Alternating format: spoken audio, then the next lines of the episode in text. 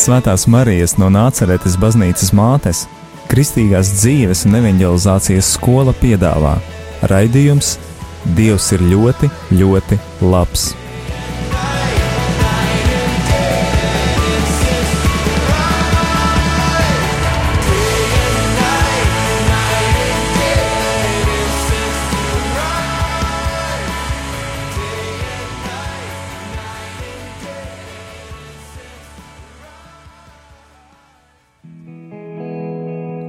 Šis ir raidījums Dievs ir ļoti, ļoti labs, kurā mēs vēlamies jūs iepazīstināt ar dažādām dzīves liecībām.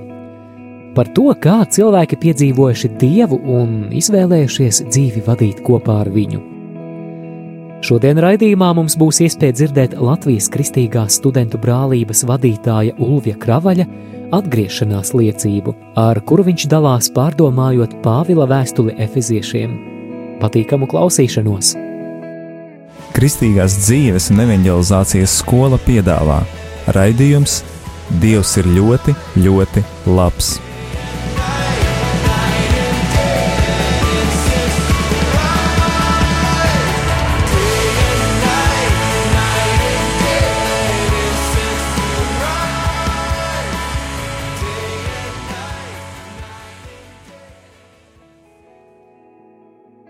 Šodien stāsts par efeziešiem mēs turpināsim ar otro nodaļu.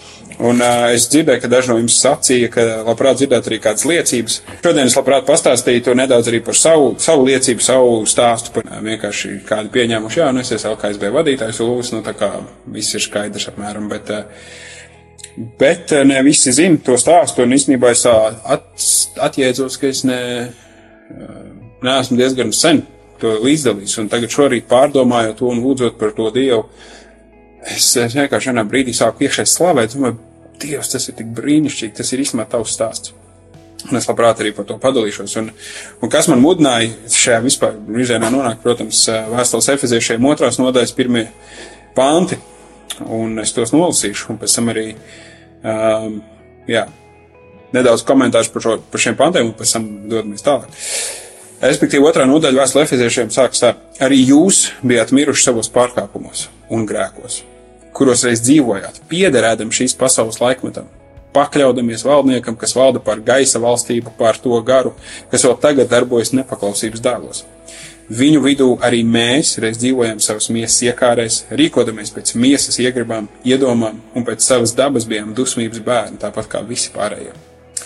Bet Dieva žēlastība ir bagātīga. Savas lielās mīlestības dēļ, ar ko Viņš mūs mīlēja, Viņš līdz ar Kristu atdzīvināja arī mūsu kas bijām miruši savos pārkāpumos. Žēlastībā jūs esat izglābti. Viņš mūs līdz ar Kristu ir augšām cēlis un līdz ar viņu sēdinājis debesīs Kristu Jēzu. Lai savā labvēlībā pret mums Dievs mums parādītu nākamajos laikmetos savas žēlstības neizmērojamo bagātību, kas ir Kristu. Um, nu, lūk, tas ir interesanti, ka pirmajā nodaļā Pāvils ļoti daudz raksta par mēs un jūs. Respektīvi, viņš, viņš šeit arī jūs pamanījāt, Mēs, jūs bijāt miruši savos pārkāpumos, kuros jūs kādreiz dzīvojāt. Un arī viņu vidū arī mēs dzīvojam, respektīvi mēs un jūs, kas ir šie mēs un jūs.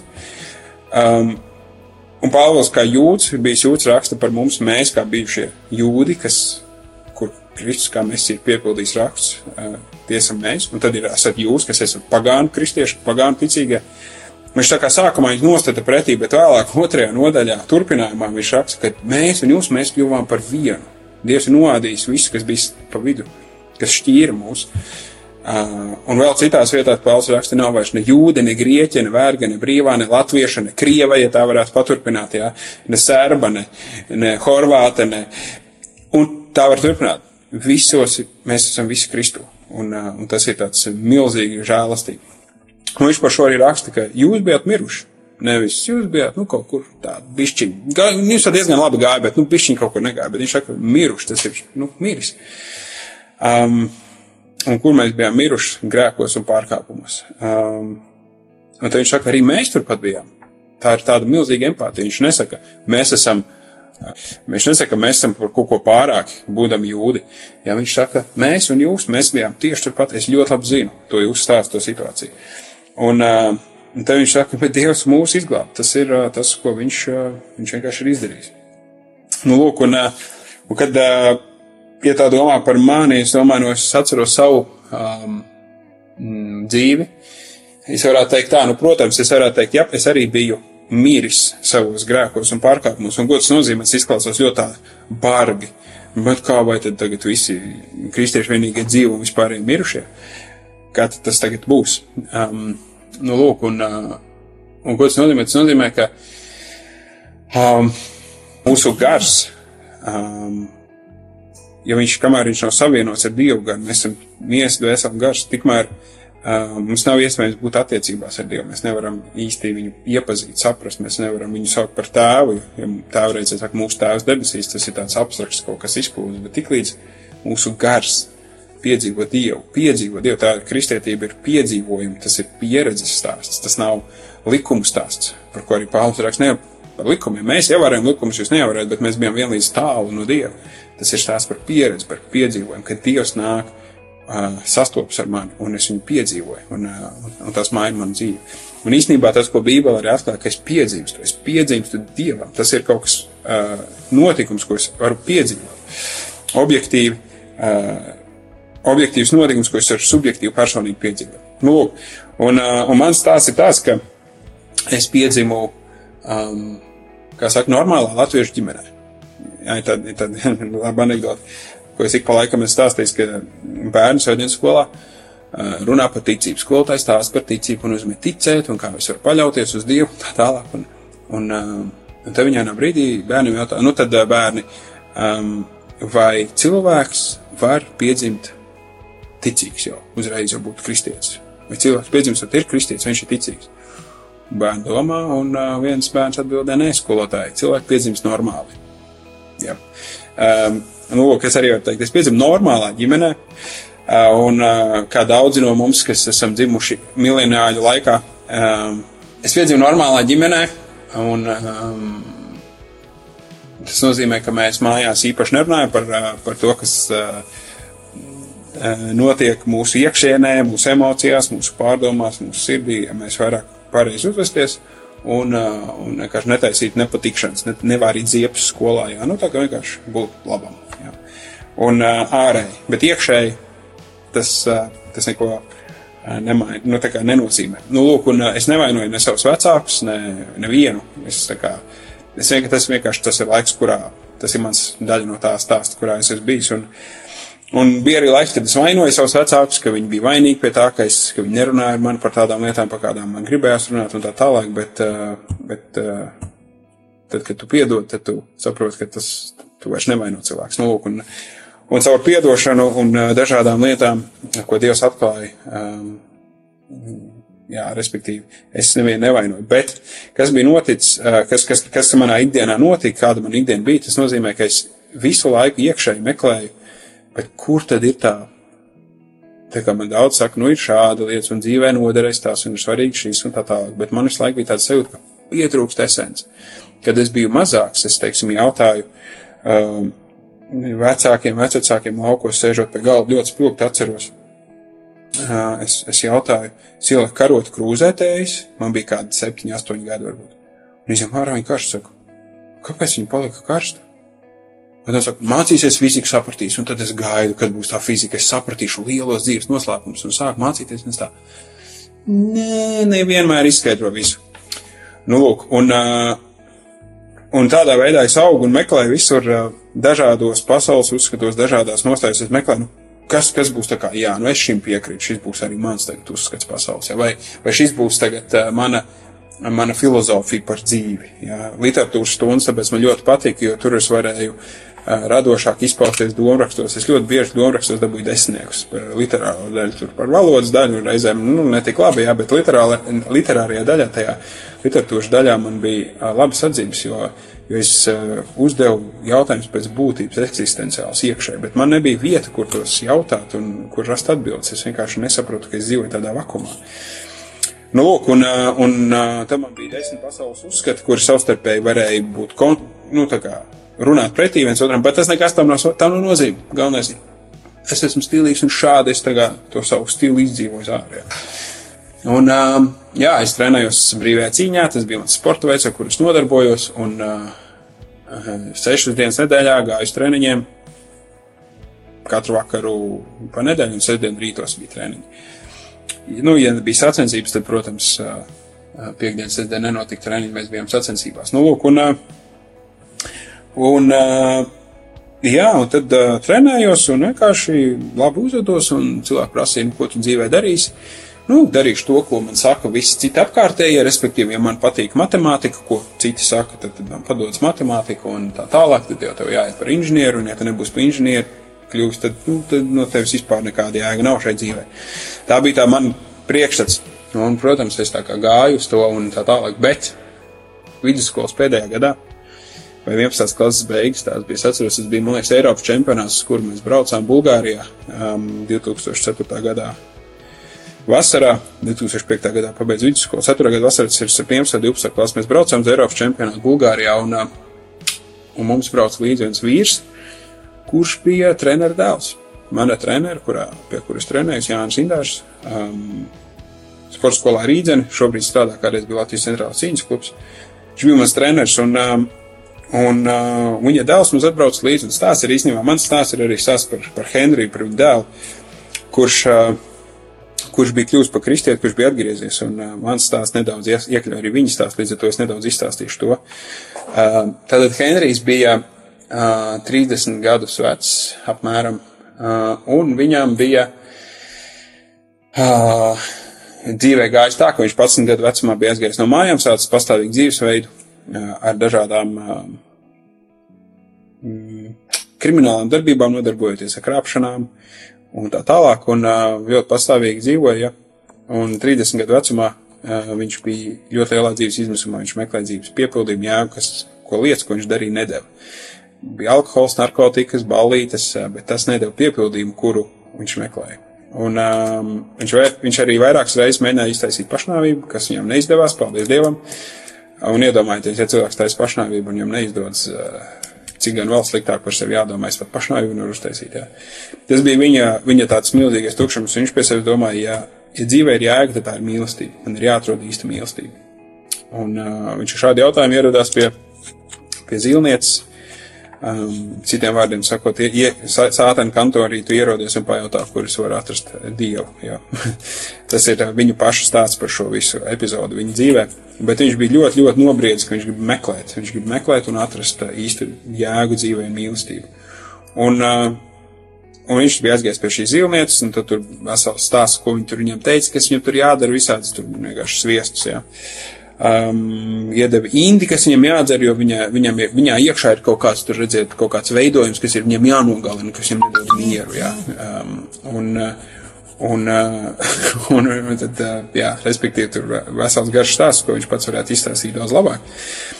Um, bet tas, ko viņš man stāstīja, man ļoti spilgti palicis atmiņā, tāpēc, ka tas bija viņa tāds spilgts dzīves stāsts, un man tas fascinēja, man tas aizrāva, man likās, tas, tas nevar būt kaut kas tāds, vispār nebija, tas ir ārpus manas pieredzes, es esmu visu, visu šim dzīvē dzīvojis un redzējis, un tas ir bijis pilnīgi atšķirīgs no tā, kā es tagad dzirdēju no Henrija. Un, un, jā, un tad mēs trenējamies, un tur bija šī mugura sāp un kaut ko, es tur trenējos, trenējos zālē, un viņš man saka, bet ja es to brīvi dziedināt, viņam pff, tas tā mugura sāps vispār. Nekas nav. Un es biju šokā nevis par to, ka viņš man to saka, bet par to, ka viņš varbūt pārliecināts par Jēzu Kristu. Uh, daudz, tā kā viņš bija tik, tik, dzīv, tik dzīvā pārliecībā par Dieva īstenību un realitāti, kā, kā es par šo pildspalvu. Un tas bija tā kā ir pildspalva un ir Jēzus, tas ir tā vienlīdz, vienlīdz īsta reāla īstenība. Un, un viņš ar viņu vienkārši dzīvoja, man likās pats kaut kas, kaut kas ir. Man ir tik daudz jautājumu, kurus man bija kauns uzdot. Jo sporta klubā, kurš treniņš brīvās cīņas sporta klubā, tad nokačājušies un tādi baigi sūrie veči. Bija trīs veidi cilvēki. Viena cilvēka bija tāda, kur reāli dusmojās ar Henriju, tā kā uzvilkās. Tur teica, aizver muti, tur pāvestu, tur vā, vā, vā, jā.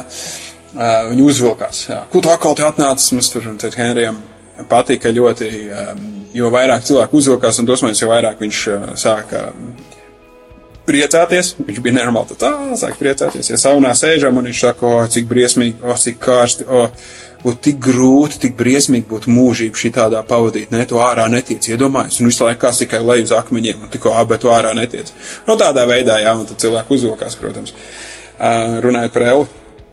Uh, un, otra, un otra grupa bija tāda, kas vienkārši ņirgājās par viņu, vienkārši ierēca. Uh, reica un teica, ha, ha, hi, hi, kur tam mūsu svētais palicis tā un tā, un kad viņš, nezinu, spēlēja futbolu, aizsit garām vārtiem, un tad viņi tur ierēca, apmēram, ko tad tev Dievs nepalīdzēja golu iesist un tā tālāk, ja.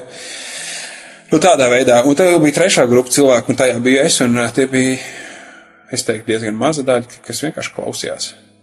Un, kā rakstos teikts par Mariju, kad eņģēlis viņai parādījās, viņa aizgāja pie Elizabetes un tā tālāk, un viņa rūpīgi to savā sirdī pārdomāja.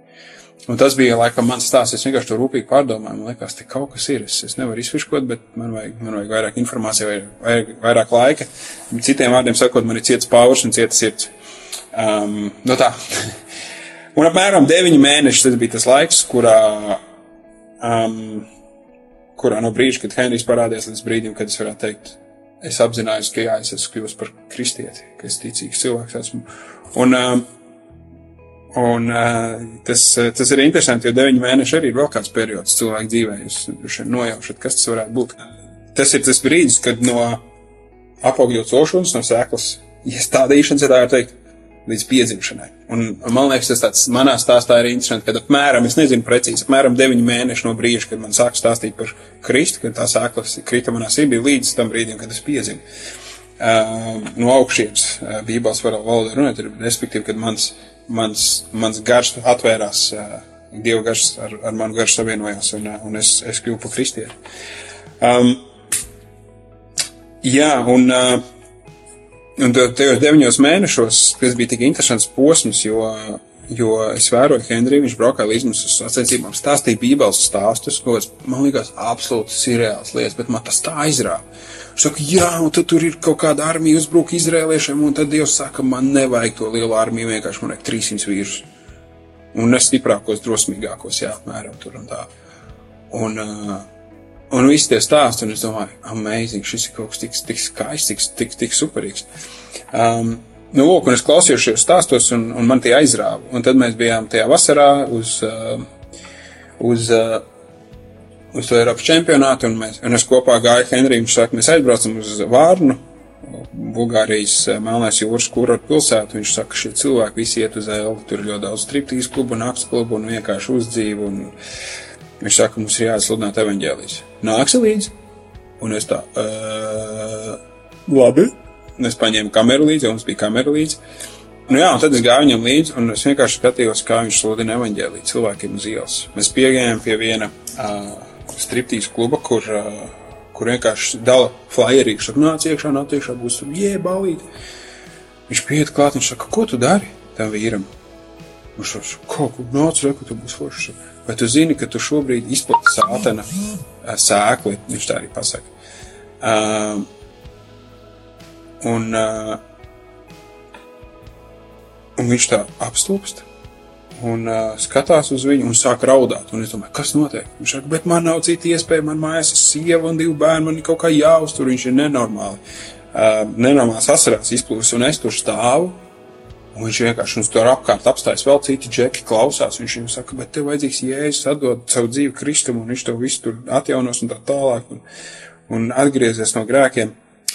Un, uh, Viņš saka, tu tici, jā, viņš sāk stāstīt savu liecību, kā viņš ir bijis depresijā, kā viņš ir bijis pašnāvis mēģinājumos un tā tālāk, un tas nav devis prieku, bet, kad Dievs piepilda, tad tas ir prieks. Un es tur stāvu skatos, viņam prasā, tu arī tici, un es tā apstulpstu. Henrijs tā pastāst man, protams, ka viņš tic, turpina sludināt. Un, uh, nu, es neteiktu tā, jā, ka es teiktu, protams, ka es ticu, tas bija vienkārši laiks, es, kas man ļoti, ļoti tuvināja tam. Um, Nu, lūk, un tad tajā rudenī pēc tās vasaras atgriezāmies no čempionāta. Es, protams, aizmirsu dzīvoju savu dzīvi, visu foršu, visu kārtībā. Rudens sākās atkal satiek Henrijs, sešas, dienas nedēļā atkal trenējamies, atkal runas par jēzu, par bībeli un tad tālāk. Man es teicu, labi, Dievs, ja tu esi, ja tu esi, es gribu to pārbaudīt. Un es vienkārši lūdzu Dievu. Bija kaut kādas situācijas skolā vai kaut kādās attiecībās, es Dievs, ja tu esi, lūdzu, palīdzi, lai notiek tā un šādi. Es neatceros, kas tas bija pa lietām. Tie bija sīkumi. Bet iespējams tās bija lietas, kuras Dievs pēc būtības neatbalstīja. Es tur kādam kaut ko samānījos, samalojos, un man bija bišķiņi, kā saka, jāpiesedz mana aste, ja. Un es lūdzu, lai Dievs man pasargā no kaut kādām nepatikšanām, kuras pats bija savārījis. Un, bet īstenībā tā notika. Un es domāju, sagadīšanās. sagadīšanās. Un nākamo reizi es lūdzu, atkal nonāk situācijā, un es lūdzu, un, un iedomājos, atkal sagadīšanās. Un es trešo reizi, un ceturto, un piekto, sesto, septīto, un visu laiku sagadās, kad es lūdzu Dievu, tad vienkārši sagadīšanās notiek. Un uh, tad vienā vakarā, tas bija rudens vakars, kaut kāds, varētu būt novembris, oktobris, es pat nepateikšu, bet tumšs vakars, es uh, stāvēju trolēbus pieturā, centrālajā stacijā pie Origo, uh, un es saņēmu īziņu telefonā. Man bija piektā Nokia, tie no jums zina, kas ir Nokia, un piektā Nokia, tas ir uh, forši, uh, forši tāds liels klūcis ķieģels uh, ar anteniņu. Un zaļie, zaļais ekrāniņš, un tur stāv rakstīts jautājums no Henrija Ziņa. Viņš saka, kā tu domā, kas ar tevi notiks, kad tu nomirsi? Un es domāju, baigais jautājums, cik? Um, es normālā gadījumā šo jautājumu, protams, neuzdodu. Es nestaigāju apkārt uh, visiem prasīdams, nu kā domā, kas notiks tev pēc nāves? Ah, nobiedēt tie cilvēkus, un tad, lai viņi vainas apziņas dēļ vai baļu dēļ pieņem uh, Kristu, jā, bet, uh, bet Di- Dievvvārds saka, ka Dieva labestība, Dieva mīlestība ved uz atgriešanos. Un, bet manā kontekstā tur bija jau vairāki mēneši, kad es biju piedzīvojis Dievu, biju lūdzis Dievu, biju redzējis, kāda izstāsta Henrija dzīve. Es vienkārši tas bija tik, tik, tik, tik daudz, kas, ka tas tajā manā kontekstā bija īstais brīdis šim jautājumam. Un jautājums bija, kā domā, kas tev notiks, kad, kad tu nomirsti? Un tas bija moments, es domāju, ka man bija jāatbild sev, jāatbild Henrijam uz īziņu, un jāatbild Dievam, nu kā tad būs. Es biju piedzīvojis, ka Dievs ir. Es biju uh, redzējis, kā izskatās Henrija dzīve mm, kas man likās kaut kas absolūti autentisks, tāds kaut kas īsts, kaut kas ne tāds kā pasaulē. Un uh, man bija jāatbild, kā būs. Es zināju, ka Dievs ir, es biju tā kā pieņēmis to faktu, labi, Dievs ir. Un tas bija jautājums, ko Dievs man jautāja, kā būs, tu man sekosi, bet vienkārši pieņemsi faktu, zinās, ka es esmu, un vienkārši noliksim to tā. Ign- Ignor, es esmu šeit, tu esi tur, un mēs tā dzīvojam savas atšķirīgās dzīves. Um, Un tajā vakarā es atbildēju Henrijam, teicu, zini, nu divi varianti. Viena tas, kas notiks ar tevi un tev līdzīgiem, un tas, kas ar Hitleru un viņam līdzīgiem notiek. Un, uh, un uh, uh, viņš teica, Hitlers nogalāja miljonus, es sludinu evaņģēliju. Es teicu, zini, kā ir, es ticu Dievam, viņš ir atbildējis manām lūkšanām, un uh, es ticu, ka Dievs ir. Tad Henrijs atbildēja vienu vārdu, aleluja. Man tajā brīdī nebija īsti nojausma, kas tas ir, bet, nu, lai nu būtu. jā. um, Bet tajā brīdī es kaut kā, tas man, man bija jāatbild, nu, ko es īsti darīšu. Man liekas, ka tas bija tas iekšējs, iekšējs vēl nākamais solis, kā, ka vēl tuvākiem, vēl, vēl. Uh, vēl pēc kāda laika viņš man uzaicināja uz evanģelizācijas dievkalpojumu, kur es oficiāli gāju priekšā, un tur teica, ka, ja tu gribi pieņemt, ja es savā sirdī iznāciet priekšā, un es izgāju, um, bet man jau reāli liekas, ka, ka man ticība jau bija sākusies ātrāk. Es nevaru pateikt, ka tas bija tas vakars. Tā, es domāju, ja es būtu nomiris pirms tam, es ticu, ka man ticība būtu derīga pestīšanai. Es nezinu, es neesmu tiesnesis, bet Dievs redzēja man to sirdi un visu, kur es esmu, bet tas bija ļoti skaists stāsts, tāda skaista progresija. Dievs mani zināja, viņš man nemočīja pa galvu, viņš mani um, nespīdzināja, jā, bet viņš neatlaidīgi par sevi atgādināja, apliecināja savu mīlestību, savu klātbūtni. Un pirmajās uh, reizēs, pirmajās man bija, es sāku braukt uz, uz, uz draudzi, sākās ra- rasties satraukums manā ģimenē, kas man notiek, kaut kādā sektā, tur smadzenes izskolots un tā tālāk. Um, es pieteicos, um, es teicu, labi, man vienalga, nu, es gribu uz draudzi. Mācītājs iziet, iesaic mācības, sāk iet. Man bija godīgi, pilnīgi vienalga, kas pat draudz, man bija galvenais saprast, iepazīt šo Dievu. Es lasīju pats Bībeli savā nodabā un domāju, kāpēc man to ātrāk neviens neteica, bet tas taču tāds vienkārši ir. Oh! Tas bija kaut kāds tik dzīves, es tā kā ēdu burtiski to, tos vārdus, kas Bībelē bija rakstīti, un man bija dusmas, kāpēc man ātrāk neviens nepateica par, par to realitāti, ko es varu piedzīvot. Un es biju sapratis, ka tiešām man jāpiekrīt Pāvila vārdiem. Es vienkārši reāli biju miris. Es biju miris tajā realitātei, kas ir attiecības ar Dievu. Man tādu vispār nebija. Un nav cita vārda, kā to nosaukt, ka es biju miris. Um, es pat nezināju, ka tie ir pārkāpumi un grēki, kuros es dzīvoju, kamēr, kamēr es nesapratu, ka Dievs ir kaut kas tik labs, tik liels, un ka mana dzīve ir kaut kas tik tāls no tā, kāds ir Dievs, un ka tas, kas man šķiet, tas ir tiešām, tie, tie pārkāpumi, tie ir grēki, un, uh, un man tie ir jāliek malā, un, um, lai es varētu būt attiecībās ar Dievu. Um, nu tālāk. Un, uh, un kas ir interesanti, vēl pirms šī notikuma, man liekas, es jau sāku lasīt Bībeles, Bībeli nelasīju. Es uh, draudzē nebija bijis nevienu minūti, nevienā draudzē ne, ne, nekur nebija bijis. Un, Un tas, kas notika, es vienkārši braucu vienā reizē, tas tāds maz atkāp no tēmas, es tūlīt noslēgšu šos, šo daļu savas liecības. Ir vēl daudz dažādu citu piedzīvumu kopā ar Dievu, kas ir jau pēc tam, bet viens šis, man liekas, ļoti zīmīgs, ka es biju jau misionārs, jau Dieva sūtnis un vēstnis un evaņģēlī līdzdalītājs, pirms es biju kļūst tā, teiksim tā, mūsdienu tādā populārā izpratnē par kristieti, ja, ka es tur nezinu, biju pateicis grēcinieku lūkšanu un tā tālāk, tā tālāk. Es jau, Dievs jau man sūtīja misijā. Un tas bija, tas bija tik interesanti. Um, es braucu vienā reizē no treniņa mājās, un um, viens vīrs bija ier, ierāvis, sēž trolēbusā, 15. trolēbus, brauc uz Ņēngarāku caur Maskačkai, to sentos gadus atpakaļ 15. Um, jūs saprotat, tas rajons bija nedaudz citādāks nekā šodien. Um, bet, uh, nu jā, tur nu, mēs dzīvojam, tas bija tas trolēbus, ar ko bija jābrauc. Un, uh, un kāds sešas pieturas līdz uh, izkāpšanai ārā, šis vīrs ir iekāpis trolēbusā, viņš sēž tā kā sēžu es, un viņš sēž nevis man aiz muguras, bet tur, kur ir viens krēsls un aizmugurē divi, un viņš tajā otrā un šūpojās savā, savā noguruma kondīcijā, ja viņš bija nogurs no konkrēta uh, dzērienu pat, patērēšanas, un viņš vienkārši uzgrūžas man virsū, un tur krievu, krieviski, ja tā, oi, piedod, piedod, jaunais cilvēks. Es saku, viss kārtībā. Viņš atkal man uzgrūžas otro reizi. Piedošanu, piedošanu. Un, un uh, viņš uzgrūžas trešo reizi, un es iekšēji smaidu, man liekas, nu būs saruna, būs forši, varēs kaut ko parunāties. Uh, nu tā, un uh, mēs sākam runāties. Un es, es biju tikai klausies stāstu no Henrijas, nebija bijis vēl draudzē, nebija bijis lasījis bībeli. Man bībeli bija mājās, bet es nebiju lasījis. Man uzdāvināja uz 18 gadu dzimšanas dienu, bet es viņu iemetu plauktā, lai krā, krāju putekļus. Bet es nebiju nereiz atvērts. Un uh, kas notika? Es uh, um, sākam runāties, un uh, pašā sarunas sākumā es viņam jautāju, nu, mm, es saku, nu, kāpēc tu esi piedzēries? Viņš saka, oh, bija iemesls. Es saku, nu, kāds iemesls? Nu, draugam dzimšanas diena. Un es tā skatos viņu, bet vai tas ir tāds iemesls, lai tā piedzertos? Un, un viņš apstājās, apstups, skatās uz mani, un viņš man jautā, tu domā, Jēzus debesīs neielaidīs? Un tajā brīdī man vienkārši pilnīgs šoks, es tā, uh, un, un gaida no mans atbildi. Un es klausoties visu to, ko Henrijs bija stāstījis, un domājot, kā kāds viss tagad izskatās, es viņam saku, nē, neielaidīs. Saka, kāpēc? Es saku, nu kā? Un es viņam vienkārši sāku stāstīt kaut ko, kaut ko sludināt par Dievu.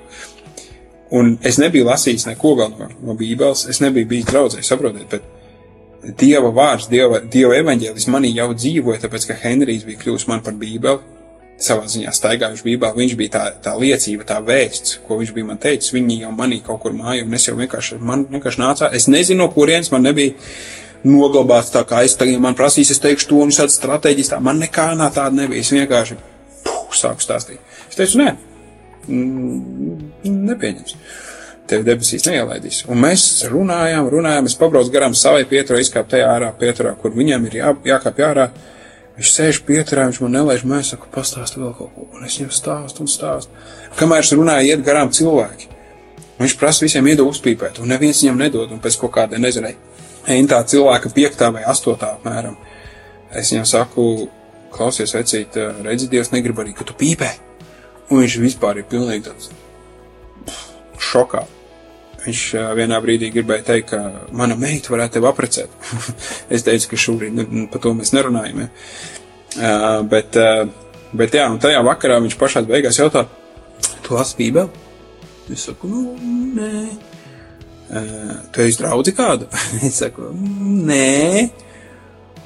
Un viņš tāds prasa, kā tu zini to visu? Un man tāds, oh, man, kā lai teikt, izskaidro visu to garo stāstu par Henriju, par to, badā, dā, dā, dā, dā. Un tajā brīdī es domāju, bet man mājās ir bībele. Un es saku, es viņam, es viņam, tas, kā es atbildēju, es vienkārši zinu. Viss. um, nu jā, es viņu pēc tam nekad mūžā vairs neredzēju. Bet tas, es gāju, es kaut kādu pusotru stundu vai pusotru vēlāk ierados mājās nekā normāli. Es biju tāds prieka pārņems, man bija tāds prieks, ka es varēju vienkārši parunāt ar šo vīru. Un, uh, un, Un es te vakarā aizgāju un sāku lasīt Bībeli.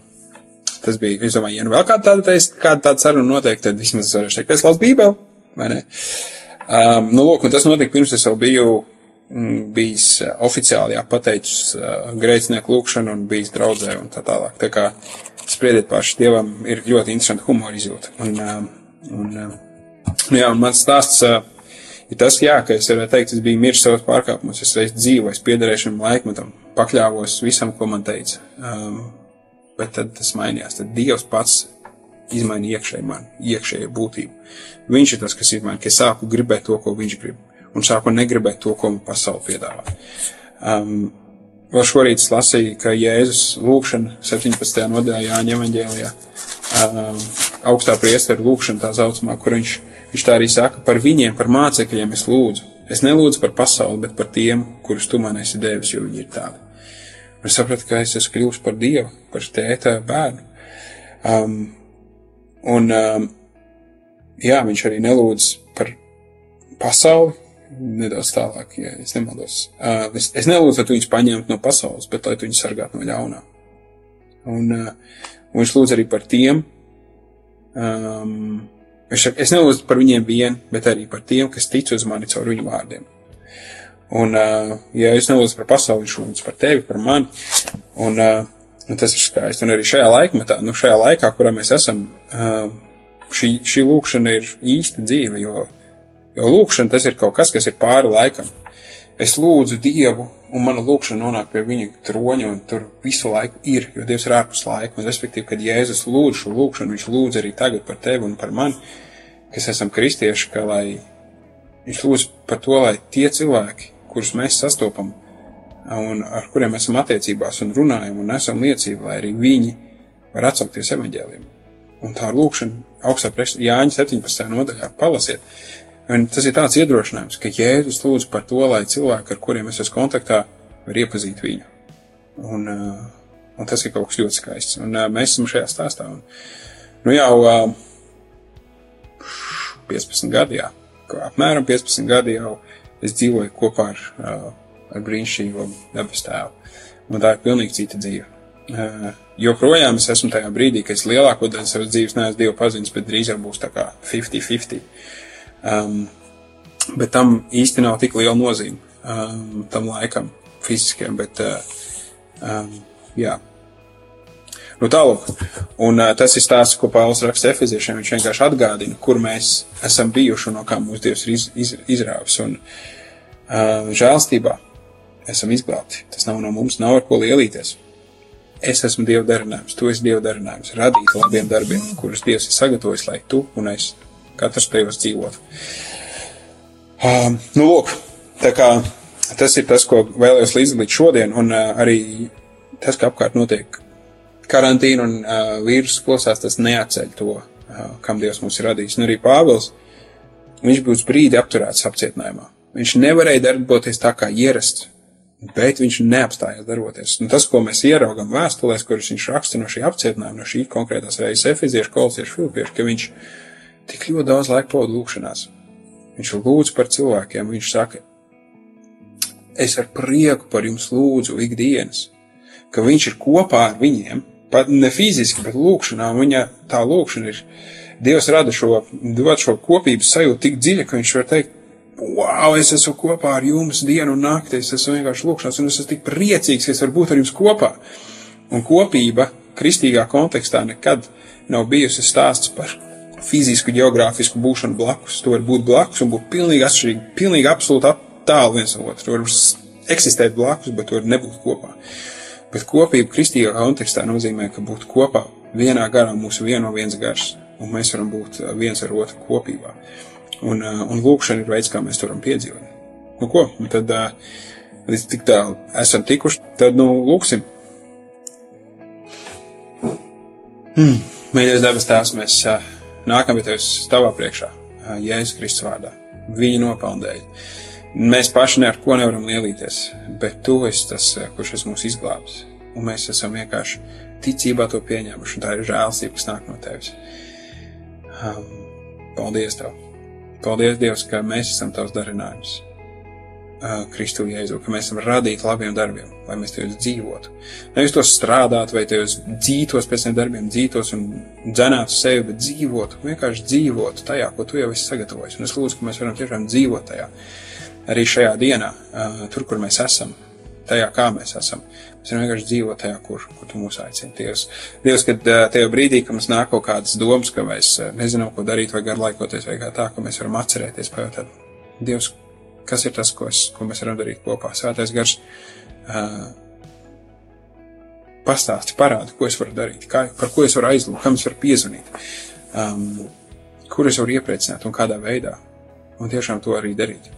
Um, varbūt ir, uh, ir kāds, kam vienkārši aizvest uh, pārtiku vai, vai kāds, kura labā pasūtīt, pasūtīt pārtiku, lai kāds, lai viņam aiziet. Protams, tagad ir Dievs jāgaida vairākas dienas līdz tam un tā tālāk, bet uh, Bet es, es lūdzu, ka mēs nezaudējam modrību, ka mēs, eh, ka mēs varam būt atvērti tam, tiem darbiem, ko tu mums esi sagatavojis. Bet pāri tām, Dievs, es lūdzu, ka mēs varam iepazīt tavu mīlestību, tā dziļumu, augstumu, plašumu, tālumu. Kungs, cik tā ir daudz lielāka par mūsu spēju to izstāstīt, par mūsu dzīves garumu un to, to ko mēs spējam piedzīvot, tā ir tik daudz lielāka, kungs, ka tu esi veselu mūžību sagatavojis, lai mēs varētu to piedzīvot. Tas ir prātam neatverami un tik daudz un tik liels. Dievs, es lūdzu, um, ļauj mums nedaudz vairāk pagaršot no tavas mīlestības, ka tu ļauj mums nedaudz vairāk uh, iepazīt tevi caur šiem, šo laiku, caur šiem notikumiem, kas mums apkārt notiek. Jā, paldies tev par to, um, ko tu arī dari mūsu sirdīs un mūsu dzīvē šodien un tagad.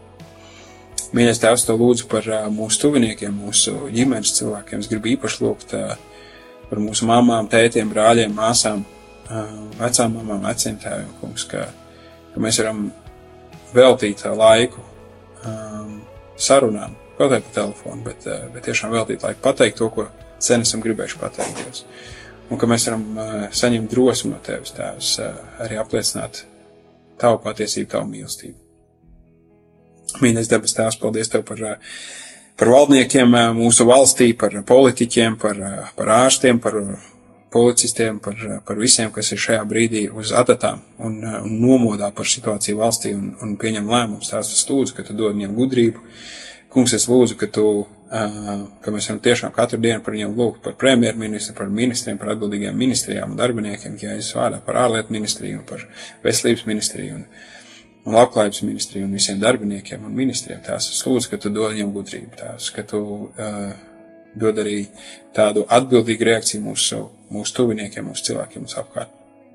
Jā, mīļais Dievs, lai, lai viss, ko mēs darām, varbūt par iedrošinājumu, par svētību.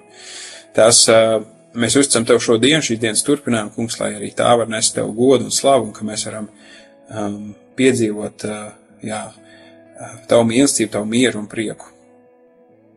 Jā, paldies par visiem, kas ir bijuši kopā šajā tiešraidē. Paldies par visiem, kas varbūt skatīsies vēlāk. Tās lūdzu, ka tu runā, uzrunā cilvēku sirdis un, un ka tu dāvā tādu iedrošinājumu.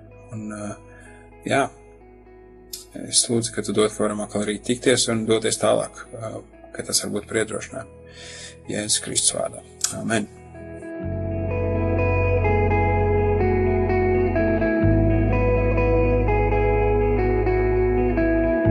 Šī bija Latvijas Kristīgās studentu brālības vadītāja Ulvija Kravaļa liecība Paldies, Ulvi, par iespēju lietot šo liecību raidījumā, bet Jolanta saki lūdzu, kur lai klausītāji meklē papildus informāciju par kristīgās dzīves un evanģelizācijas skolu.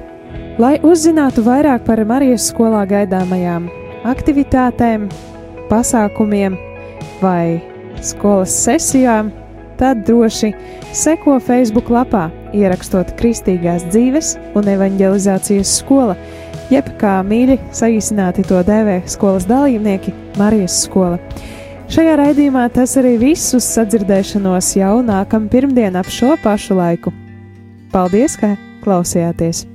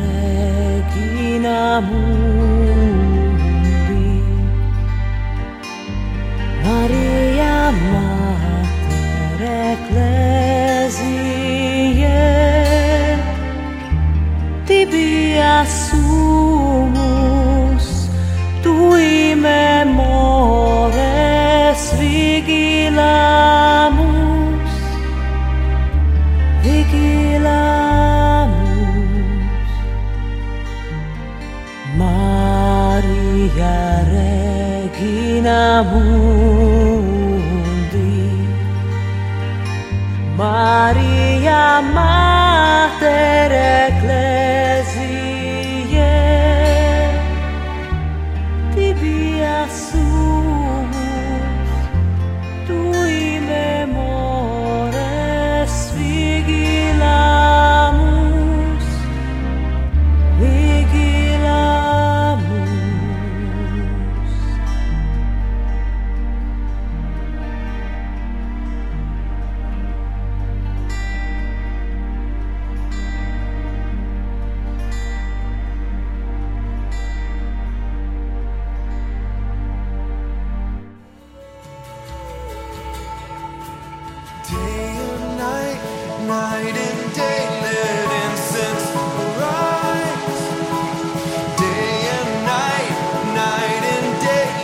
Svētās Marijas no Nāceretes baznīcas mātes Kristīgās dzīves un evanģelizācijas skola piedāvā raidījums Dievs ir ļoti, ļoti labs.